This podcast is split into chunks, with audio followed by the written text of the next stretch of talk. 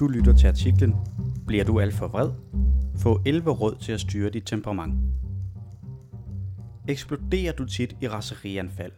Vredesudbrud, der skræmmer eller sårer folk omkring dig og giver dig dårlig samvittighed. Her får du 11 råd til at håndtere din vrede på en bedre måde. Lad os allerførst lige slå fast. Vrede er ikke i sig selv en dårlig følelse. Du kan nemlig tænke på vreden som din indre grænsevagt. En vagt, der råber, hov, vent, her er der noget, der ikke er som det skal være, hvis nogen træder over dine grænser eller behandler dig uretfærdigt. At kunne mærke sin vrede er altså super vigtigt, men måden du handler på din vrede kan være mere eller mindre god for dig og for dine omgivelser. Det er for eksempel ikke særlig smart, hvis vreden igen og igen får dig til at sige eller gøre ting, du fortryder to sekunder senere. Hvis du giver kantinedamen en sviner, fordi hun scanner din tunsalat 5 kroner for dyrt ind, eller hvis du smadrer ting i blind raseri, eller hvis du kommer til at kalde din tysklærer for en kæmpe spade. Den slags. Heldigvis findes der teknikker til at skrue ned for vreden og håndtere den bedre. Og det vil jeg nu præsentere dig for med 11 råd til færre nedsmeltninger og mere ro. Det første råd er at tælle til 10, før du gør eller siger noget. Og okay, du har sikkert hørt det her råd 1 million gange før, men det virker altså.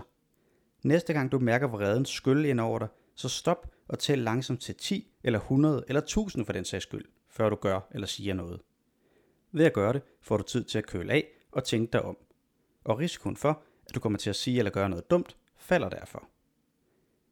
Tit hjælper det også at gå et andet sted hen, så du kommer væk fra personen eller situationen, der trigger din vrede.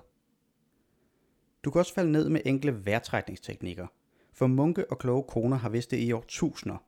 Du kan berolige dig selv med din vejrtrækning, og det behøver hverken at tage hele eller halve timer. Faktisk er et par minutter ofte nok.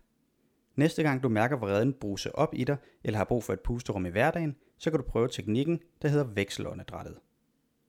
I den skrevne artikel har vi en video med, hvor du kan se teknikken, så den synes jeg, du skal gå ind og se, når du har hørt artiklen her. Lytter du med fra en podcast-app, finder du et link til den skrevne artikel i beskrivelsen. Det tredje råd er faktisk to råd. Spis en banan og få søvn nok. Du ved det selvfølgelig godt. Din lunde bliver meget kortere, når du føler dig træt og sulten. Pludselig kan selv de mindste ting sende dig op i det røde felt. Husk derfor at passe godt på dig selv Spis en banan, når blodsukkeret crasher, og sørg for at få nok søvn. Det giver dig langt større overskud til at handle klogt og sige pyt. Råd nummer 4. Dyrk mindfulness og få mere luft til dine tanker og følelser. Så tænker du måske, mindfulness. Ah, er det ikke bare sådan noget damebladets mumbo jumbo? Nope. Forskning viser igen og igen, at mindfulness virker, og teknikkerne kan også hjælpe dig med at håndtere vrede, ikke forstået på den måde, at mindfulness ved et trylleslag fjerner din vrede og forvandler dig til en rolig Dalai Lama-type. Så enkelt er det desværre ikke. Men gennem mindfulness-øvelser kan du lige så stille lære, at du ikke behøver at handle på alle dine følelser lige i øjeblikket. I stedet for at handle på autopilot, får du lige lidt ekstra tid og rum til at overveje. Er det her virkelig den bedste måde at reagere på lige nu? Gavner det mig selv og folk omkring mig, hvis jeg følger min umiddelbare impuls lige nu? Eller er det klogere at gøre noget andet? Mindfulness kan varmt anbefales, og i den skrevne artikel linker vi til fire enkle mindfulness-øvelser, du kan prøve allerede i dag. Det næste råd er at øve dig i at give slip på vrede og bitterhed. For måske kender du det, at du bliver ved med at vende tilbage til situationer i fortiden, hvor du blev dårligt eller uretfærdigt behandlet. Måske genopfører du situationerne igen og igen op i dit hoved, eller tænker, bare jeg havde sagt eller gjort sådan og sådan. Resultatet af det er, at du bliver ved med at holde gang i bålet indeni, og typisk gør det intet godt for dig. Så hvordan giver man lige slip på sin vrede? Vi påstår ikke at have en simpel løsning, og det afhænger selvfølgelig også meget af, hvad du har været udsat for. Men et godt sted at starte er som regel at snakke med personen, der har behandlet dig dårligt. Sig, at du føler dig såret og vred over det, der er sket. Og gør dit til, at I finder en løsning, så det ikke gentager sig.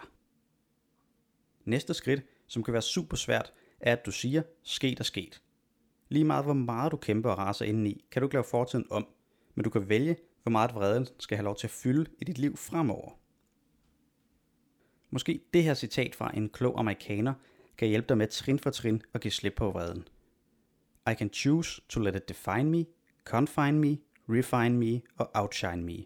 Or I can choose to move on and leave it behind me. Hvem der sagde det, ved man faktisk ikke, men det her med at se fremad i stedet for tilbage i tiden, gør det faktisk meget lettere at slippe vreden. Nå, nu til næste råd. Stop og spørg dig selv, er det klogere at trykke på pytknappen? Livet er fuld af irritationsmomenter. Folk, der møder sig foran dig i køen. Venner, der glemmer at tænke sig om. Forældre, der ikke forstår dig. Og nogle gange er løsningen selvfølgelig at vise, at nu er det nok. Hertil og ikke længere. Andre gange er det klogere at stoppe op og spørge dig selv, er det her virkelig værd at blive vred over? Hjælper det mig at blive vred i den her situation? Ellers er det nok bedre at bare trykke på pytknappen og komme videre, selvom det kan være svært. Råd nummer 7. Snak om din vrede, men gør det på en god måde. Ordvalg og toneleje har stor betydning for, hvordan andre tager imod det, du siger. Og her får du et simpelt trick. Når du skal beskrive det, der gjorde dig vred, så start dine sætninger med jeg, i stedet for du. Og hvorfor skulle det så virke? Jo, det er faktisk ret enkelt. Starter du dine sætninger med du, bliver sætningerne let anklagende, og der er stor risiko for, at den anden person går i forsvarsposition. Starter du derimod dine sætninger med jeg, så giver du den anden mulighed for at sætte sig ind i dit sted og forstå, hvorfor du blev vred eller såret. Så kommer vi til råd nummer 8. Lad være med at drikke dig i hegnet. Alkohol og et hisset temperament er en meget giftig cocktail. For det første sløver alkoholen de centre i din hjerne, der har med selvkontrol at gøre. Du bliver mere impulsiv og kommer let til at fejlfortolke situationer. For det andet skruer alkoholen op for følelserne. Alt føles meget mere intenst. Risikoen for, at vreden stikker af med dig, stiger derfor, når du drikker. Det næste råd er at få hjælp af folk omkring dig til at forstå og håndtere din vrede. Mange skammer sig faktisk over deres temperament. Hvis du har det sådan, synes du måske det er pinligt eller flovt, hvis du ikke kan styre dig selv. Men hør lige her. Vi bokser alle sammen med et eller andet. I stedet for at gå med vreden, skammen og bekymringerne alene, anbefaler vi derfor klart, at du snakker med dine venner og familie om, hvordan du har det. Bare det at sætte ord på gør tit, at vreden føles mindre skræmmende. Spørg f.eks. dine venner og familie, hvordan de oplever din vrede. De ser dig udefra og har måske råd til, hvordan du håndterer den på en bedre måde. Du kan også lave en aftale med dine venner om, at de gerne må gribe fat i dig, hvis de kan se, at du er på vej op i det røde felt. Så de lige kan sige, hey, nu går vi lige en tur og får lidt frisk luft. Tit er det nemlig alt, der skal til. Det næste sidste råd er at bruge sport, træning og fitness som en ventil for din vrede. Der sker noget, når du bruger kroppen for fuld smadre. Spændinger løsnes op, frustrationer letter, og samtidig får du tankerne over på noget andet. Mange bruger derfor motion som en ventil for vrede og frustration. Prøv at give det en chance. Tit vil du opdage, at du føler dig lidt lettere om hjertet bagefter. Så kommer vi til det sidste råd. Accepter, at det tager tid at ændre adfærd. Måske har du besluttet dig for, at nu skal det være anderledes. Nu skal det være slut med at koge over. Men du vil sikkert fortsat opleve situationer, hvor du plumper i, og vreden løber af med dig. Så skal du bare minde dig selv om, at det er helt naturligt. Det tager tid at ændre vaner. Det vigtigste er derfor, at du ikke giver op. Første skridt tilbage på sporet er, at du siger undskyld, hvis du har lavet din vrede gå ud over en anden. Jo hurtigere du gør det, desto lettere er det for jer begge at komme videre. Derefter handler det om at fokusere på, hvad du kan lære af tilbagefaldet, og hvad du kan gøre anderledes fremover. Nu har du fået 11 råd, og så vil jeg bare lige tilføje, at det er vigtigt, du husker på, at vi alle er forskellige. Og det gælder altså også måden, vi viser vores vrede på. Nogle retter deres vrede udad, de skriger deres vrede ud, smækker med døre og hammer hornet i bund i trafikken. Den slags. Andre retter vreden indad i form af selvbebrejdelser, og for nogle ender trykket med at blive så stort, at de begynder at skade sig selv for at få afløb for al den ophobede vrede. Uanset hvilken type du er, så kan du med fordel spørge dig selv, hvorfor bliver jeg så vred? For alle bliver vrede af og til, og nogen har bare mere temperament end andre. Det er helt naturligt, men hvis du igen og igen eksploderer i vredesudbrud, så er det en god idé at bruge lidt tid på at finde ud af, hvorfor det sker. Hvad er det, der sker inde i dig? Hvad er det, du bærer rundt på, der gør dig så let antændelig? Og hvad er det for nogle situationer, du typisk bliver vred i? Jo bedre du kender dig selv, desto lettere kan du undgå, at vreden skaber problemer for dig. Lad os tage et eksempel. Forestil dig, at du står i kø på en festival, og pludselig pløjer en fyr ind foran dig. Du kan reagere på mange måder i den situation. Du kan sige pyt og lade fjolset komme foran dig, eller du kan roligt sige, at han skal gå bag i køen. Men du kan også blive vred, sige grimme ting og begynde at skubbe eller slå. Reagerer du med vrede, handler det om at finde ud af, hvorfor netop denne type situation får dig til at miste besindelsen. Hvad er det for nogle dybere følelser, det vækker i dig, når nogen møver sig ind foran dig i køen? Opleves det for eksempel som et tegn på, at de ikke respekterer dig? Hvis ja, så er det disse følelser, du skal arbejde med. Ideen er altså kort sagt at grave et spadestik dybere end den umiddelbare trigger, der udløser din vrede. Og for lige at følge op på det, så får du her fem typiske årsager til vrede. Den første er for meget pres og stress. Det slider nemlig, hvis du uge efter uge racer afsted med 120 km i timen. Det kan gå et stykke tid, men ligesom du ikke kan blive ved med at puste luft i en ballon, er der også grænser for, hvor mange spændinger du kan rumme.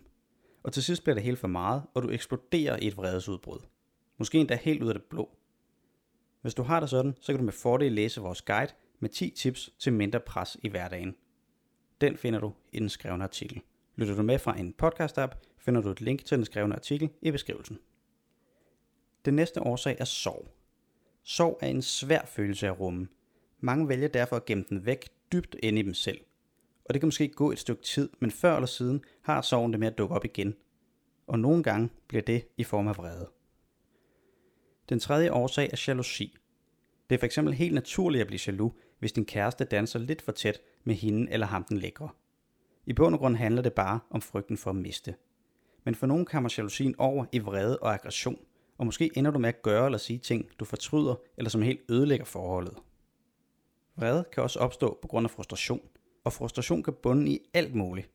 Måske kom du ikke ind på drømmestudiet, måske er din kæreste lige skrevet, eller måske går du rundt med en nane følelse af aldrig at være god nok. På et tidspunkt så flyder bæret bare over, og det kan let ske i form af et vredesudbrud. Den sidste årsag, jeg har med her, er overgreb. Hvis du fx er blevet slået, seksuelt misbrugt eller på anden måde har fået overskrevet dine grænser, så er det helt naturligt, hvis du bærer rundt på en stor klump indestængt vrede.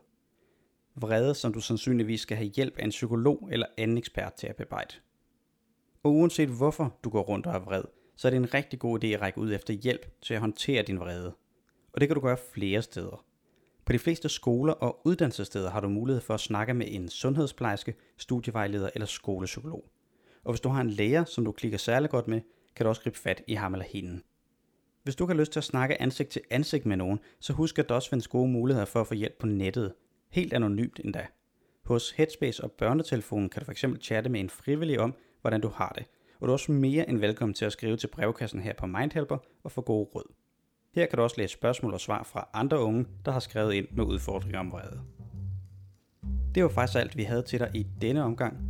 Jeg håber, du kan bruge nogle af rådene, og du måske også er blevet lidt klogere på, hvad din vrede kan skyldes, og hvad du kan gøre ved det. I den skrevne artikel linker vi til en række andre artikler, der kunne være nyttige for dig. Lytter du med fra en podcast-app, finder du et link til den skrevne artikel i beskrivelsen.